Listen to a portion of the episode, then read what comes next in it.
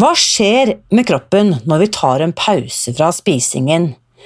Og er det sant at eh, søvn har noe å si for eh, vekten vår? Alt dette og mye mer får vi svar på i dag når høyskolelektor Marit Kolby Sinnøkker kommer på besøk.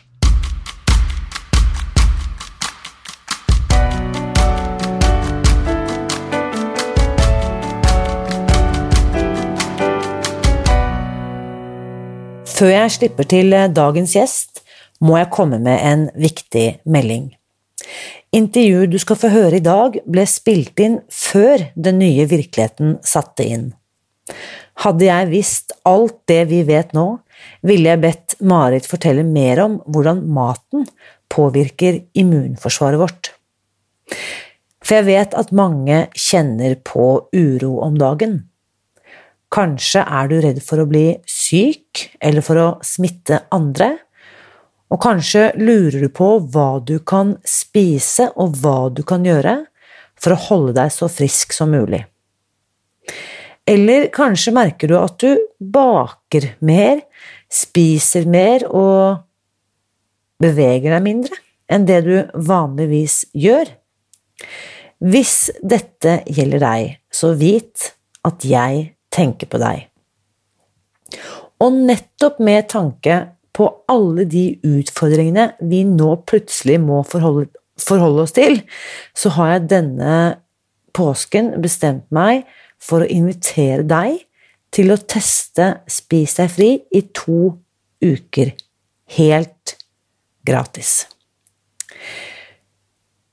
Og hvis du vil være med på dette, så kan du melde deg på ved å gå til nettsiden spisdegfri.no skråstrek to uker.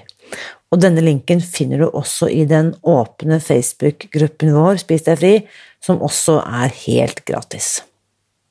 Sånn. Det var jeg glad for å få med. Da har jeg gleden av å introdusere dagens gjest, som altså er godt orientert på ernæringsfeltet. I tillegg til en bachelorgrad i matvitenskap fra Universitetet i Ås, har Marit Kolbyt Sinnøkker en mastergrad i ernæringsbiologi fra Universitetet i Oslo. Hun er i tillegg ansvarlig for det ernæringsfaglige innholdet på bloggen til Bjørknes høgskole, hvor hun annet underviser studenter på ernæring og medisin. Jeg er så glad for at du kunne være med her i dag, Marit. Velkommen. Takk skal du ha. For de som ikke kjenner deg og vet hva en ernæringsbiolog gjør, fortell litt om jobben din som lektor ved Bjørknes høgskole. Ja, altså jobben min som høyskolelektor, det er jo da å drive undervisning.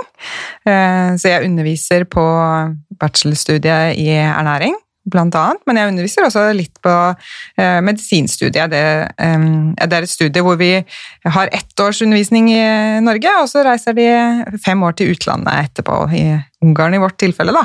Eh, så da underviser jeg ikke i ernæring, men i mer celle- og molekylærbiologi og slike ting. Hvordan kroppen fungerer nede på det detaljerte nivået. Da.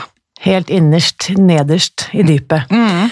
Så men en ernæringsbiolog, hva er det Jeg har hørt om ernæringsfysiolog, men jeg vet ikke om jeg har hørt om ernæringsbiolog før? Nei, altså jeg kaller meg ernæringsbiolog fordi jeg har gått den eh, masterlinja på eh, Universitetet i Oslo som kaltes ernæringsbiologi. Tidligere så var det tre retninger på, på masternivå da, på ernæringsutdanningen der. Eh, og jeg har min bachelorutdanning fra matvitenskap på Universitetet i Ås eller på NMBU, som det heter. Ja. Eh, og så gikk jeg da videre på masterstudier på Universitetet i Oslo. Så da valgte jeg den ernæringsbiologilinjen, eh, og dette handler jo da om mer igjen disse eh, å gå ned i dypet og se hvordan kroppen fungerer på cellulært og molekylært nivå. Da. Mm. Eh, så på den studieretningen så lærte vi mer om det man kaller for molekylær ernæring. Ja. Eh, og mer en sånn forskerrettet uh, linje da, enn det som kalles ernæringsfysiologi, som, eller klinisk ernæringsfysiologi, som er den, um, den utdanningen de har nå, uh, som handler mer om dette med klinikken. Hvordan jobber man med ernæring i klinisk praksis? Ja, I møte med mm. pasienten. Så, så, jeg har ikke lært dette å, jobbe med pasienter. Jeg har lært å, å, forstå hvordan kroppen responderer på ernæring på det cellulære og molekylære nettopp. nivået. Mm. Og rett før vi startet, så snakket vi nettopp dette om at en ting er hvordan vi spiser og hvor ofte vi spiser, men det viktigste er jo hva vi spiser. Kvaliteten på maten vi putter i kroppen. Ja, det er jo en av de helt sentrale faktorene for mm. hvorvidt maten kan opprettholde god helse i Så, oss. Hvis du kunne beskrevet en perfekt tallerken, altså la oss si at en, et perfekt måltid for et uh, voksen menneske som skal uh, ha god helse. ja, altså uh, Jeg er jo egentlig litt sånn motstander av dette med å skulle definere akkurat akkurat hva det er vi skal ja. spise. fordi at jeg mener at det ikke er så viktig, og at ikke det ikke fins nødvendigvis noe perfekt måltidssammensetning. Det som er viktig, er jo at den maten vi spiser når vi spiser den, har høy kvalitet. Og da er det ikke så veldig viktig om det er eh, kjøtt eller fisk eller egg eller ja, slike ting. Men hva som, er da høy kvalitet? Ja, høy kvalitet har, på maten, det har vi når maten er prosessert i en minst mulig grad, sånn at ja. kvaliteten på råvaren er bevart. Da. Fordi at det er i selve råvarene vi spiser, eller som er utgangspunkt for maten vår, at selve potensialet for bra ernæring og for det å opprettholde god helse, det er der det er bevart. Og så er spørsmålet hva gjør vi med disse råvarene eh, fram til det ferdige måltidet vi spiser, ja. og det er det som etter min mening da, eh, avgjør hvorvidt maten har bra kvalitet. Så da har det noe å si altså Hvis du har eh, utgangspunktet en potet, så har det noe å si om du spiser den som kokt, en kokt potet. Den er bare litt grann prosessert? Ja, eller om du f.eks. da frityrsteker den. Ja, eller pulveriserer den til mel og støper den om til pommes frites. Ikke sant, ja. Og igjen da frityrsteker den. To ganger, kanskje. Ja, ikke sant? Disse tingene her sånn. ja.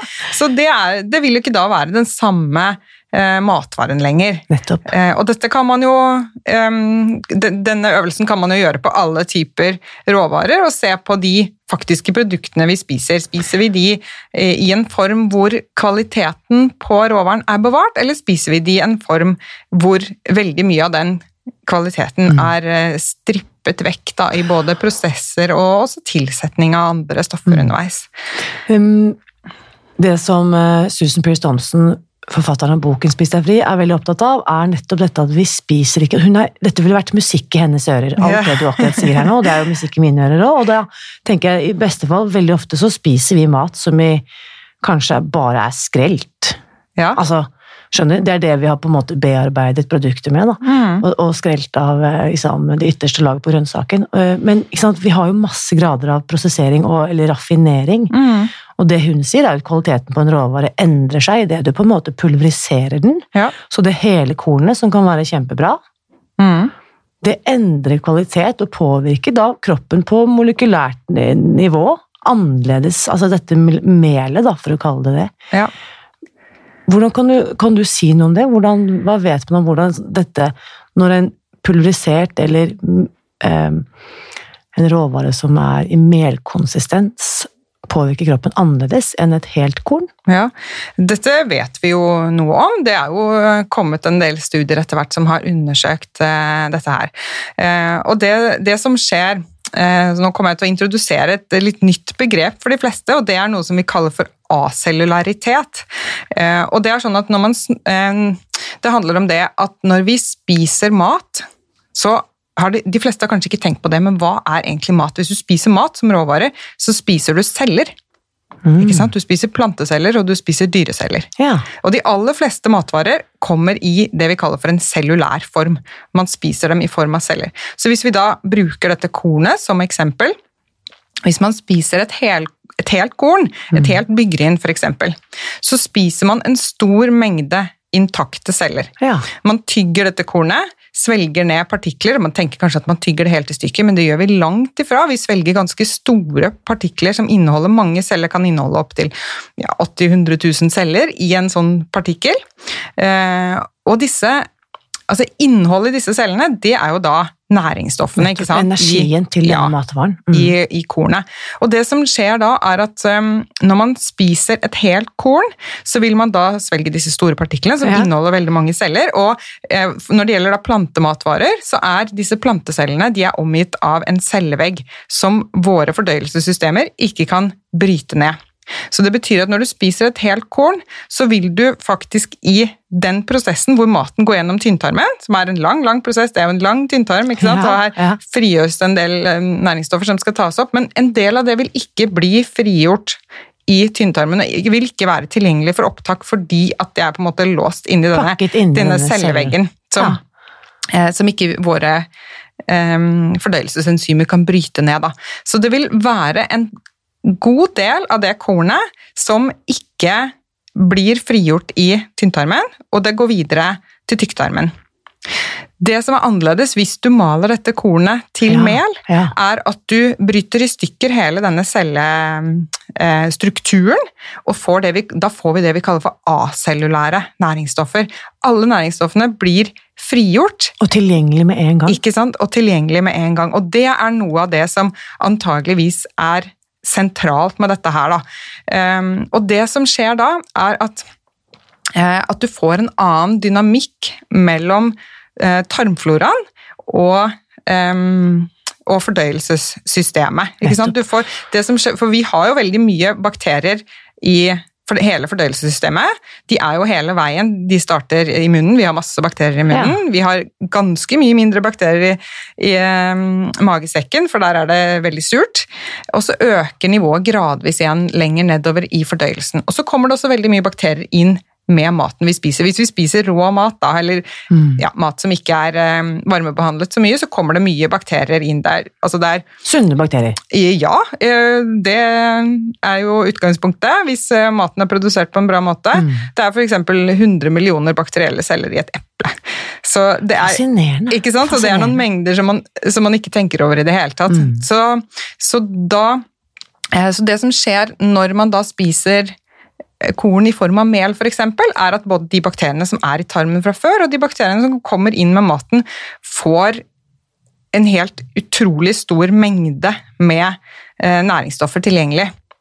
Og det som vil kunne skje da, er at bakterier som vanligvis skal eh, kun være til stede i et veldig lite antall, eh, kan slå seg opp og eh, på en måte dominere ja, Boltre seg, rett og slett. ja, ikke sant? På, på bekostning av de bakteriene som er mindre gunstige for oss. Da. Og det er jo noe man har sett i studier, at, eh, at personer som er veldig overvektige f.eks., har en overvekst av bakterier som er eh, hos en frisk person ikke ville skape problemer, fordi de er så få, de blir undertrykt av de andre, mens, mens her får de få lov til å dominere og vokse for mye. Og det kan faktisk ha sammenheng med kvaliteten på maten de spiser. Ja, definitivt. Mm, Så, så det disse bakteriene gjør, da, som vi kaller, for, vi kaller dem for opportunistisk patogene, altså de kan bli sykdomsfremkallende hvis de får en mulighet for det, Ja. er at, eh, at de vil kunne da fremkalle um, inflammasjon eller betennelse, som vi kaller det. Da. Jeg husker det eksempelet jeg har hørt, er typ, tenk på en appelsin. Du Mhm. skreller appelsinen, og den har masse sånne, sånn bindevev mellom disse båtene, dette hvite greiene mellom. Og så kan du åpne en appelsinbåt, og så ser du at hver lille Det er sånne masse sånne små bobler, ikke sant? Som er Mhm. sånn, eh, en liten sånn sky av masse små appelsinceller inni appelsinbåten. Men idet du har juicet denne appelsinen til fruktjuice, appelsinjuice, så har du tatt vekk alt det der greiene mellom. ja. Og alt sukkeret, for eksempel, da, blir, og alle disse bakteriene som du også snakker om, de blir tilgjengelige med en gang. Ja. Så derfor er det stor forskjell på et glass appelsinjuice og en hel appelsin. Ja, da har du nettopp dette, dette prinsippet igjen. ikke sant? At du har fjernet denne cellulære maten og Ja. gjort den om til acellulær mat. Alle næringsstoffene er frigjort, og det blir frigjort på et veldig tidlig tidspunkt i fordøyelsessystemet. Sånn at denne frigjøringen av næringsstoffer får ikke lov til å skje i hele fordøyelsens, eller hele tynntarmens lengde, da, som den ellers ville gjort hvis man spiser en hel appelsin. Og det er jo et godt poeng, dette med appelsin, for det er jo nettopp det vi også vi ser i studier, at selv det å drikke juice, da, som faktisk er um, innafor som én av fem om dagen, eh, det er antageligvis ikke et, et godt råd. Altså, vi bør ikke inkludere det som én av fem om dagen, fordi vi ser at selv det å drikke juice har negative effekter. Jeg er veldig glad for at du tar opp det som et eksempel. for jeg skulle akkurat spørre deg, Hva tenker du da om disse fem om dagen, eh, hvor f.eks. appelsin eller eplejus kan gå inn som en av de fem? Du svarte ja. for så vidt på det. Ja, nei, jeg tenker at det er, et, eh, det er ikke et godt råd, og det bør gå ut igjen. Det var en antakelse at det å drikke juice eh, ville ha den samme eh, positive effekten da, som å spise frukt, og at det kunne være en hensiktsmessig måte få folk til å få i seg, eh, få i seg nok frukt og grønt på. Men så viser det seg da i studier når man undersøker det, at denne jusen har jo samme effekt som om Det er jo ikke veldig langt unna brus. Hvis du ser på eplejuskartongen og så ser hvor mye, eh, hvor mye sukker det faktisk er i den, så er altså eplejus på bordet på frokosten er i prinsippet det samme som å sette brus der, altså. Og ha en cola. Eh, ja. Så det, det er, veldig, du er veldig tydelig på dette, takk for det. Eh, det er oppklarende. Jeg tenker Av og til er det viktig å være tydelig. Da har vi lært om acellulære matvarer. Og da har jeg lyst til å spørre deg om dette med måltidsrytme. For én ting er Jo, bare for å si det med råvarer. Det jeg ofte sier, hvis folk spør hva er det jeg skal spise, så tenker jeg mat du kan kjøpe uten emballasje. Eller som man i gamle dager kunne ha kjøpt hos ved kjøttbutikken eller fiskebutikken. Mm. Eller liksom på bondens marked. Alle de typer matvarer er typ mat du kan i utgangspunktet kjøpe uten emballasje, som du kan stå og plukke selv. Er det, ja, eh, tenker du det er et godt råd, eller? Ja, det funker for så vidt, det. Men altså, du kan også gå etter altså, mat som ikke har en ingrediensliste. Mm. Ikke sant? Da er du også på råvarer. Men da er du faktisk, dette er veldig morsomt, for hvis du går i supermarkedet, så trenger du ikke gå inn mellom hylleradene. Du kan bare oppholde deg helt i ytterkant, for det er der den type matvare befinner seg. Ja, det er jo det også Michael Pollan sier. Altså, du skal, du skal gjøre innkjøpene dine i ytterkanten av, av, supermarkedet. av, supermarkedet. Ikke rot deg inn inni de der posegreiene og raffinerte Ikke sant, disse hyllene imellom. I hvert fall la det være en veldig liten del av kostholdet, da. Og så ja. basere kostholdet på råvarer. Og da, hvis man gjør det, så er det jo da mindre viktig akkurat mm. hvordan den sammensetningen av råvarer er. Det er ikke så forferdelig viktig om man spiser ja, ikke sant? kjøtt eller ikke. ikke sant? Man kan ja. godt spise fisk eller um, Altså så lenge man inkluderer noen gode råvarer, da, så er det Jeg mener jo at det er mindre viktig akkurat hva de råvarene er, så lenge man inkluderer mange av de forskjellige matvaregruppene vi har, og får en, eh, får en god variasjon på det. Så mm. eh, ja. Jeg har også blitt spurt om dette med økologisk kontra holdt jeg på å si, kommersielt produsert. og Da tenker jeg at det er en måte å optimalisere innenfor det optimale igjen. Ja. Er du med på tanken? At det er bedre at du spiser gulrøtter, og så kan du, hvis du vil toppe laget, kan du spise økologiske, men det som veldig mange heller ikke vet, er at veldig mange av de vanlige gulrøttene vi kjøper, de er økologiske, de òg.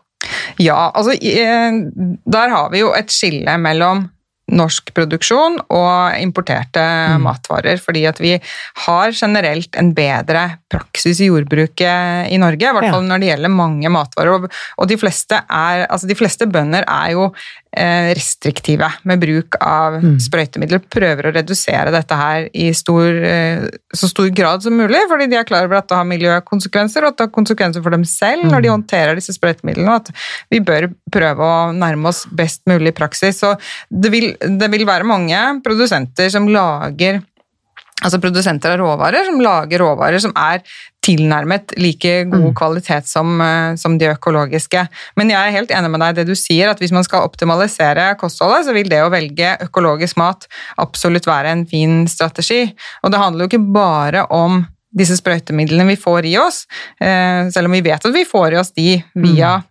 ikke-økologisk mat. da. Men det handler jo også om, om, forståelsen av at vi lever i et økosystem, mm. og forståelsen av hva disse sprøytemidlene faktisk gjør for hele økosystemet. Hele det, er, ja, mm. det, er, det, er, kjempeviktig i den, eh, i den sammenhengen. Mm. Men um, dette med økologi er jo veldig spennende sånn med tanke på helse. Vi har jo hatt altfor lite studier på det før, eller vi har fortsatt altfor lite studier på det, og det er fordi at man har ikke hatt muligheten til å studere effekten mm. av om folk spiser økologisk eller ikke økologisk før, for det mm. har, det har rett og slett ikke vært et så tydelig skille tidligere da, det har vært vanskelig å sortere ut disse forskjellige matvarene. og um, De undersøkelsene vi har, har heller ikke hatt f.eks. spørreskjemaer eller metoder som har kunnet plukke opp forskjellene. ikke sant? Det har vært spiser du frukt eller grønt, eh, og i hvilke typer og hvilke mengder og sånn, men det har ikke vært skille på økologisk og ikke-økologisk. så Derfor har man ikke kunnet plukke opp disse forskjellene. Mm. Men nå begynner det å komme eh, studier som har undersøkt det, det og da spennende. ser vi også at de som spiser mye økologisk, har mindre mm, forekomst av en del sykdommer. Og vi ser også at de som spiser økologisk, har mye lavere nivåer av disse sprøytemidlene sirkulerende rundt i kroppen. Da. Det er jo tankevekkende. Det er veldig Ja. Mm. Uh, og så må vi snakke litt om dette med måltidsrytme, fordi de som kjenner til Spis deg fri-metoden, vi spiser jo tre måltider om dagen, ikke noe mellom. Mm. Um, og vi Den spurte meg i går skal jeg kutte ut kveldsmaten, da, mener du? og, eh, men det som også da er noe som inntreffer, er dette som man kan kalle periodisk faste, eller intermitterende faste, intermittent fasting. Mm. Um, og vi snakket rett før vi, når vi planla dette intervjuet, dette med det korte eller lange spisevinduet. Mm. Så si litt om um, hva er periodisk faste, og hva vil det si å korte ned dette spisevinduet, så alle bare er med på hva vi snakker om her. Ja, jeg tror jeg begynner med det siste først. Ja. Det å, dette med spisevindu, det handler om hvor mange av dine våkne timer er det du Eh, inntar mat. da. Ikke sant? Så hvis man, eh, La oss si man står opp klokken syv, kanskje man spiser frokost klokken halv åtte, så starter man på en måte da sitt spisevindu klokken halv åtte. Ja. Så er spørsmålet da hvor lang tid tar det før du slutter å spise igjen? Mm. Det er det man kaller for et spisevindu. Så, så, I mitt tilfelle, så la oss si jeg spiser frokost halv åtte, lunsj rundt klokken tolv, og så spiser jeg middag sånn halv fem. Ja. La oss si at jeg spiser mellom åtte og fem, da, for å ja. gjøre det litt enkelt. Så da vil det si at da spiser jeg fire timer lunsj. Jeg spiser i løpet av ni timer i løpet av døgnet, og jeg har spist mine tre måltider. Mm. Det er ja. mitt spisevindu da, ikke sant? Ja, og da har jo du det vi kaller for et forholdsvis kort spisevindu. Ja. Mm. Og det som skjer da, er at du får et mye lenger fastevindu.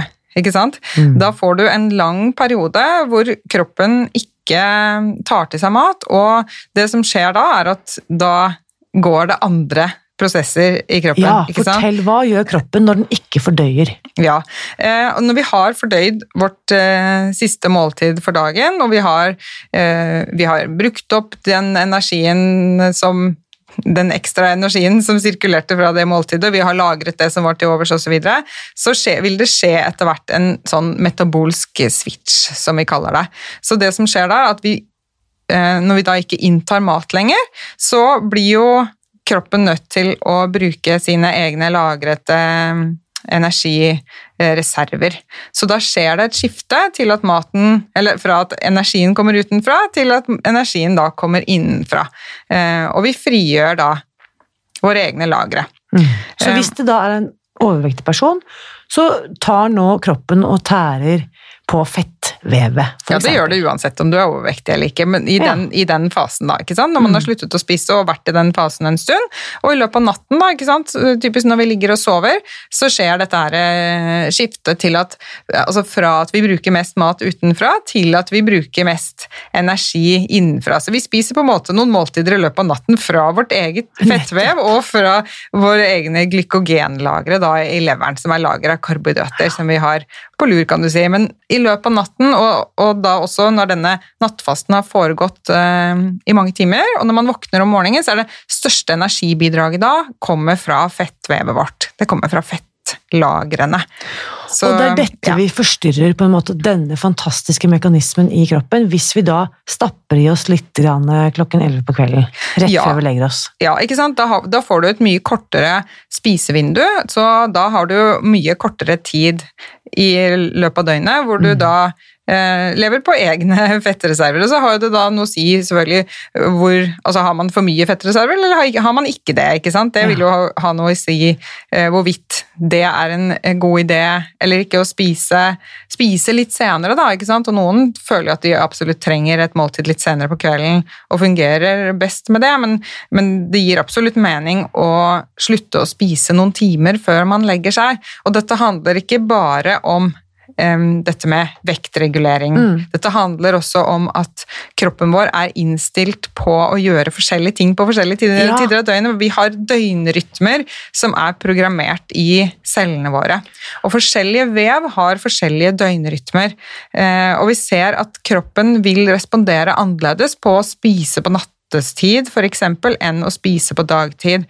Um, så vi er vi er programmert til å spise og fordøye og eh, hva skal man si, behandle alle disse næringsstoffene i løpet av den våkne tiden vår. Mm. Og så er vi programmert til å gjøre andre prosesser når vi ligger og sover. Og de prosessene vil jo forstyrres av eh, sen spising eller nattespising. Og det handler bl.a. om reparasjon, ikke sant? fordi at det er det som skjer når vi ligger og sover. Da driver kroppen og reparerer seg selv. Eh, og fornyer seg selv. Og, ja. Dette er jo også noe av dette som refereres til som autofagi. Ja. Fortell litt om hva er autofagi? Ja, autofagi har jo blitt kalt litt sånn populær eh, vitenskapelig for, for, søppeltømming i cellene. Eh, og det sier jo litt om hva som skjer. Eh, fordi at cellene våre har veldig mange forskjellige komponenter som skal fungere sånn som, sånn som, de skal. Og de er avhengig, og cellene våre er avhengig av å bryte ned komponenter som ikke fungerer så godt lenger. Og bygge disse opp igjen på nytt. Og det vi ser er at Når man oppholder seg i denne faste fasen, så setter det i gang denne prosessen. Så da kommer det noen, eh, noen signaler om at nå eh, er ikke energi nå har du ikke den samme energitilgangen lenger. Det skjer denne metabolske switchen jeg snakket om. Eh, vi skiller ut noen andre hormoner når vi ikke spiser enn når vi spiser, og disse hormonene de trigger denne effekten her sånn. Så det som skjer er at cellene begynner da å bryte ned det som vi kan kalle for dysfunksjonelle cellekomponenter, altså deler som ikke fungerer sånn som de skal lenger. Det er rett og slett å sammenligne med søppel. ikke sant? At, uh, ja, at cellene da får brutt ned dette her og kan bygge det opp igjen. Livsviktig jobb. Ja, ikke sant? kan bygge det opp igjen fra scratch. Eh, når man da tilfører mat igjen, for da kommer man typisk i en sånn oppbyggende fase. Mm. Um, så dette med autofagi, det er jo noe som skal tikke og gå eh, jevnlig, men det vil man kunne um, øke uh, i hvilken mengde det skjer da, ved å uh, f.eks. bruke forskjellige sånne faste regimer. Da vil det kunne, um, det vil kunne ja, øke rett og slett mengden autofagi som, eh, som skjer. Kan man gå til fastlegen og spørre om å få målt autofagien sin? Nei, det kan man ikke. Nei. Eh, vi har ikke noen sånne standard tester for, eh, for, det nivået. Det må man gjøre i, i forskningssammenheng. Men, Men, det er målbart? Det er målbart, ja. Det er forskjellige proteiner mm. som vil skilles ut i, i, forbindelse med de prosessene som skjer, som man da kan måle i mer sånn avanserte tester som mm. gjøres i forskningen. Så dette har man, har man gjort på både dyr og mennesker, og, og kan måle det, i hvilken grad autofagien da ja. stiger.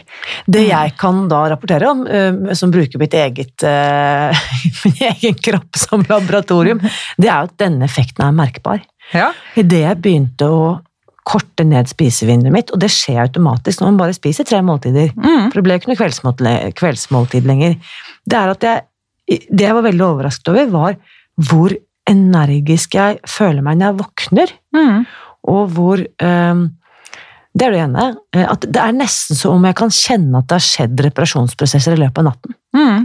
Og det er mange andre som forteller om dette her. Det er veldig vanlig sånne Vi kaller det for anekdoter. Disse personlige historiene om hvordan man opplever endringer av enten kosthold eller spisefrekvens mm. og, og, slike ting. Men det er veldig mange som rapporterer akkurat det du sier. At de, de føler at hvis de forlenger nattfasten, eller forkorter spisevinduet, da, mm. så føler de at de er mer energiske, føler at hodet er klarere, mm. man tenker bedre. Så, og det er jo litt sånn kontraintuitivt, for vi yes. har jo blitt fortalt at det er så viktig å spise hele tiden for å være i funksjon, men det stemmer jo ikke i det hele tatt. Mm. Det, er, det, er, jo ikke sånn kroppene våre er skrudd sammen til å fungere. Vi, vi, eh, vi trenger denne pausen fra mat for å kunne restituere oss og reparere oss. Og det er, det er veldig mange sånne reparasjonsprosesser som står og går når vi eh, nattfaster, og, og, når vi da har eh, perioder hvor mm. vi har opphold fra mat, enten de er kortere eller lengre. Nå vet jeg ikke om dette er noe du har sett på i din forskning, men eh, når noen sier til meg av og til sånn Ja, men hva skal jeg gjøre, da, når jeg er helt dønn sliten og klokken åtte om kvelden og sånn og sånn og sånn? Da må jeg bare ha noe mat. Og da sier jeg jo til Hva med at du går og legger deg? Ja, det er jo et, eh, et, veldig godt råd, og det kan man jo absolutt gjøre. Kanskje det er det man faktisk egentlig trenger hvis man er så sliten på kvelden. Kanskje man egentlig trenger en lengre periode med søvn. Eh, og det vet vi jo er et kjent problem i, i, vårt samfunn, at det er mange som sitter oppe for sent og ikke får den søvnen de trenger gjennom et døgn. Og da vil du også forstyrre disse prosessene, fordi at mm. mye av den reparasjonsprosessen, ikke bare i fordøyelsessystemet, men, men hele kroppen, mm. eh, går jo når vi sover. Så, og det ser vi også at eksempel noen sier sånn 'Jeg skjønner ikke hva jeg spiser riktig, og jeg trener riktig', og bla, bla, bla, bla, bla og jeg går ikke ned i vekt. Og så tenker jeg av og til, og det har vi også snakket om uten at jeg vet om dette, men en kropp som står i konstant stress eller beredskap, da, og det jobber mye, sover lite, trener mye kanskje på toppen, hvordan i all verdens navn skal den kroppen være, komme i en modus der den kan slippe energi? Den vil jo bare stå i sånn konstant spenning. Mm. Vet man noe om det? Hvordan på en måte stresshormoner eller stressnivå eller mangel på søvn påvirker f.eks. vektnedgang? Da? Ja, altså vi, vi, vet jo det at, at det å sove nok f.eks. er også viktig for å kunne eh, gå ned i vekt eller opprettholde en, eh, en normal vekt. Så, så, det har man også funnet igjen eh, i studier. Um, så den sammenhengen er eh, absolutt eh, til stede. Mm. Og, og, dette med stress vet vi også påvirker både disse kroppslige funksjonene, men også hvordan man vil um, respondere på det ved å gjøre forskjellige uheldige uh, ting. Da, hvis, du, hvis man er veldig stressa er det sånn at man føler at man blir roligere av det ved å, ved å spise sjokolade, f.eks. Mm. Så man gjør kanskje dårlige valg, da. Både når man er sliten og når man er stressa. Så det er kanskje Eh, like viktig som at ikke kroppen får lov til å fungere sånn som den skal, det at, vi, at man ender opp med å gjøre dårlige valg. Mm. Men jeg vil bare nevne en ting, for du nevnte det med at noen sier ja, men jeg må ha noe å spise på kvelden. Ja. Det finnes jo også noen mennesker som føler at de fungerer bedre hvis de får lov til å spise et kveldsmåltid, men det man f.eks. kan gjøre da for å opprettholde dette litt kortere spisevinduet, det er å skyve på frokosten og ja. spise frokosten litt senere. For eksempel. Så, jo, du, la oss si at du da spiser frokosten klokken tolv, da. Ja. Og så spiser du typ det som da ville vært andre måltidet, eller lunsjen rundt fire. Og så ja. spiser du middagen da klokken åtte om kvelden. Mm.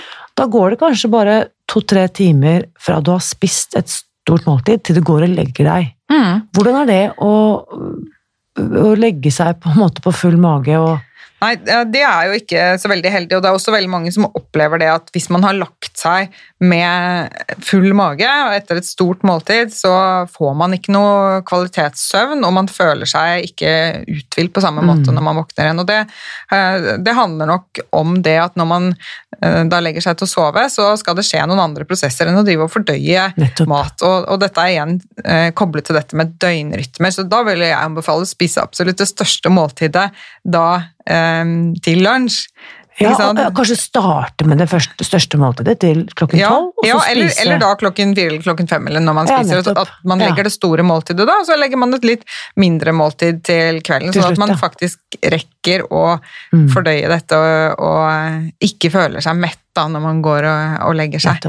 Og det er ja, veldig mange som opplever akkurat den effekten, og det kjenner jeg også på egen kropp. Hvis jeg spiser uh, ute og spiser f.eks. og spiser altfor sent, så, uh, så, føles det ikke godt uh, dagen etterpå. Det gjør noe med søvnen og ja, bilen. Mm. Man kaller det for food hangover.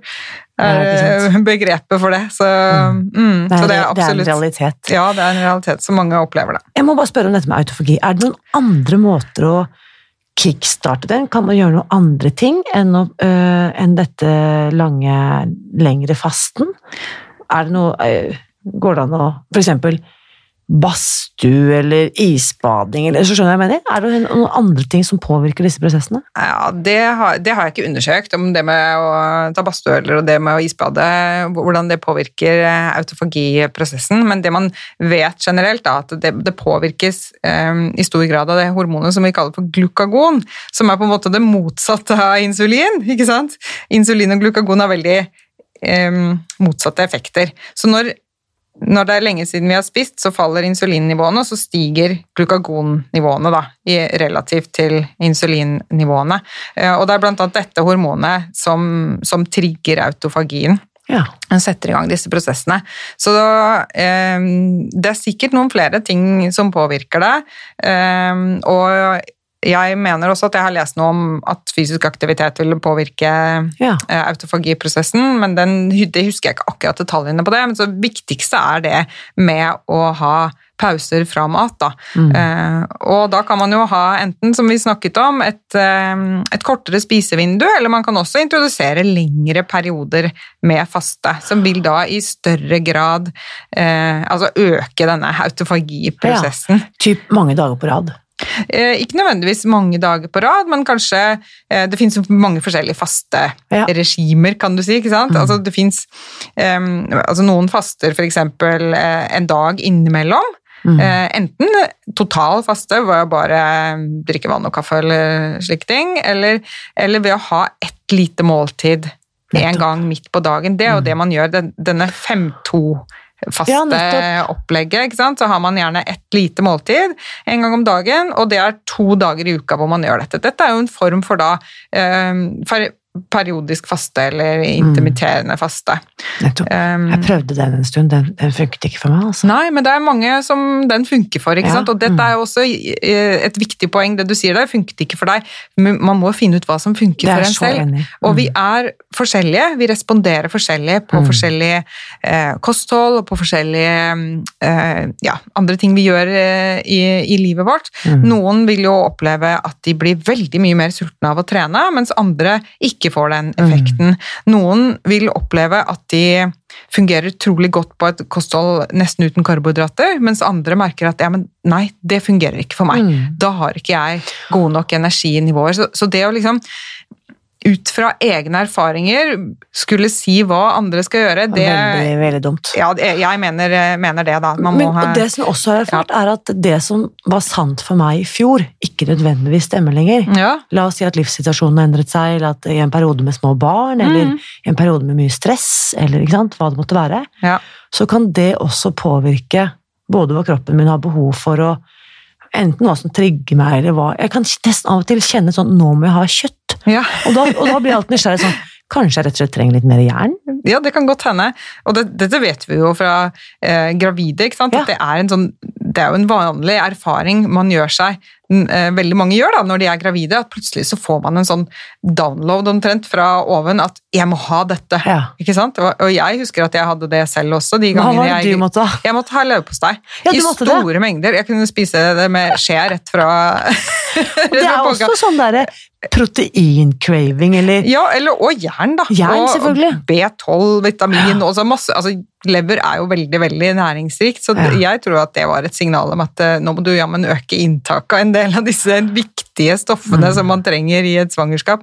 Så, så det med å lytte litt til kroppen sin, med mindre kroppen sier at jeg må ha is hver dag, jeg må ha en bøtte is på kvelden hver dag, det tror jeg ikke er så veldig god idé å lytte til, men så lenge det er kvalitetsmat, da, Ja. at, man, eh, at man lytter litt til det, og jeg tror kanskje at vi har mer sånne mekanismer der enn det vi har funnet ut av.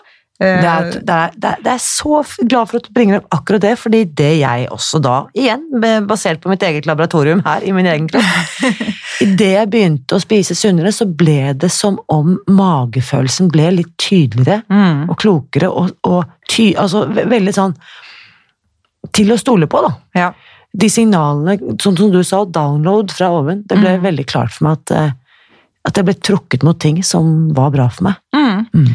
Mm. Det er jo litt sånn med gode vaner avler nye gode vaner, og Mm. sånn, så det kan jo være en effekt av det, men det kan også være en effekt av det at man faktisk eh, fjerner noe av det som forstyrrer biologiske signaler som går i kroppen, og Mm. som hjelper oss til å velge bedre, da. For vi har masse hjerneceller nedi altså the gut brain snakker man om, ikke sant? Jeg vet ikke hvis vi kaller det hjerneceller, men vi har i hvert fall mange eh, spesialiserte Hva heter det? celler? Hjernenevroner? i eh, Altså de, man finner igjen den samme type celler som finnes oppi hodet, i magen. Ja, altså det man, det man snakker om er jo denne forbindelsen mellom fordøyelsessystemet og hjernen. Ikke sant? Det Mm. går signaler fra fordøyelsessystemet til hjernen, eh, og det er vel egentlig det Mm. du refererer til Blant annet gjennom denne vagusnerven. Ja, ikke sant? Blant annet eh, gjennom vagusnerven. Og, den, eh, og disse signalene som vi får fra maten og fra fordøyelsessystemet vårt, det påvirker jo da blant annet eh, hvorvidt vi er sultne eller mette. Ja. Eh, og det er også noe da som vi ser at hvis man spiser et råvarebasert kosthold, så fungerer disse signalene der bedre. Det har vi jo en eh, veldig, veldig god studie som har vist, en sånn fullkontrollert, eh, randomisert kontrollert studie som Ja. det kalles, som er gullstandarden innenfor Exakt. forskning, og det har vi veldig lite av i ernæringsforskningen, for det er veldig vanskelig å kontrollere fullt ut hva folk spiser, og det er, eh, og det er veldig dyrt og vanskelig å få finansiering til det, så det er grunnen til at vi har lite sånne studier. Men, men en studie som har undersøkt dette her, undersøkte effekten da av et nesten totalt råvarebasert kosthold kosthold, og mot et kosthold som var basert på veldig omfattende prosesserte industriprodukter, så jo nettopp denne effekten her sånn at, eh, at det var en endring i de hormonene som ble skilt ut i tarmsystemet i forbindelse med, med måltider. da, At man skilte ut mindre sulthormon når man spiste råvarebasert eh, kosthold, og at man eh, skilte ut mer metthetshormoner. Så dette er jo da signaler som blir Altså Det blir skilt ut i tarmen, og så signaliserer de eh, tilbake til hjernen opp i hypotalamus, hvor det sitter sånne eh, sult- og metthetssentre som plukker opp signaler, som da igjen vil sende nye responser ut i kroppen i form av hormoner, som da trigger hvorvidt vi vil spise eller ikke. Det er så fascinerende. Altså, vi må eh, rett og slett spise sunt og lytte til kroppen. Eh, Ja. da nærmer vi oss. Og så må jeg bare si, eh, takket være eh, en lytter som heter Anne, Ja. som hadde hørt deg på podkasten til Tore Sagen på NRK, så tipset hun meg og sa at du må invitere Marit til studio, for der, det var så alt det hun snakket om, er så relevant i forhold til det vi eh, har lært gjennom Spis deg fri. Så takk til lytter Anne, og tusen takk, Marit, for at du hadde mulighet til å komme og fortelle oss om alle disse spennende tingene i dag. Jo, bare hyggelig. Det var veldig morsomt å være her. Selv om denne episoden snart er slutt, betyr ikke det at eh, dagens samtale nødvendigvis trenger å være over. Hver uke fortsetter nemlig tankerekkene og diskusjonene inne i den eh, åpne Facebook-gruppen vår Spis deg fri, som eh, du også kan bli med i, så bli med her. Og hvis du lurer på hva jeg spiser for å optimalisere min egen helse, inviterer jeg deg nå til å laste ned noen av oppskriftene vi har laget for alle som er nysgjerrige på Spis deg fri. De kan du laste ned på nettsiden vår. Gå da til spisdegfri.no skråstrek smakebiter, hvor du kan laste ned disse oppskriftene helt gratis. Og neste uke skal vi bevege oss omtrent en halv meter oppover i kroppen, vil si fra magen og opp i hodet. Neste søndag får jeg nemlig besøk av tidligere toppidrettsutøver og håndballproff Anja Hammerseng Edin. Hun skal forklare hva vi kan gjøre for å bli mentalt sterkere, og fortelle hva hun selv gjør når negative tanker tar overhånd. For å si det sånn, den episoden vil du ikke gå glipp av. Helt til slutt. Mitt motto er at gode nyheter er skapt for å deles. Så hvis du har lyst til å hjelpe meg med det, så skriv gjerne en omtale av dagens episode i iTunes. Det fører nemlig til at flere får muligheten til å oppdage denne podkasten. Husk også at jeg heier på deg. Alltid.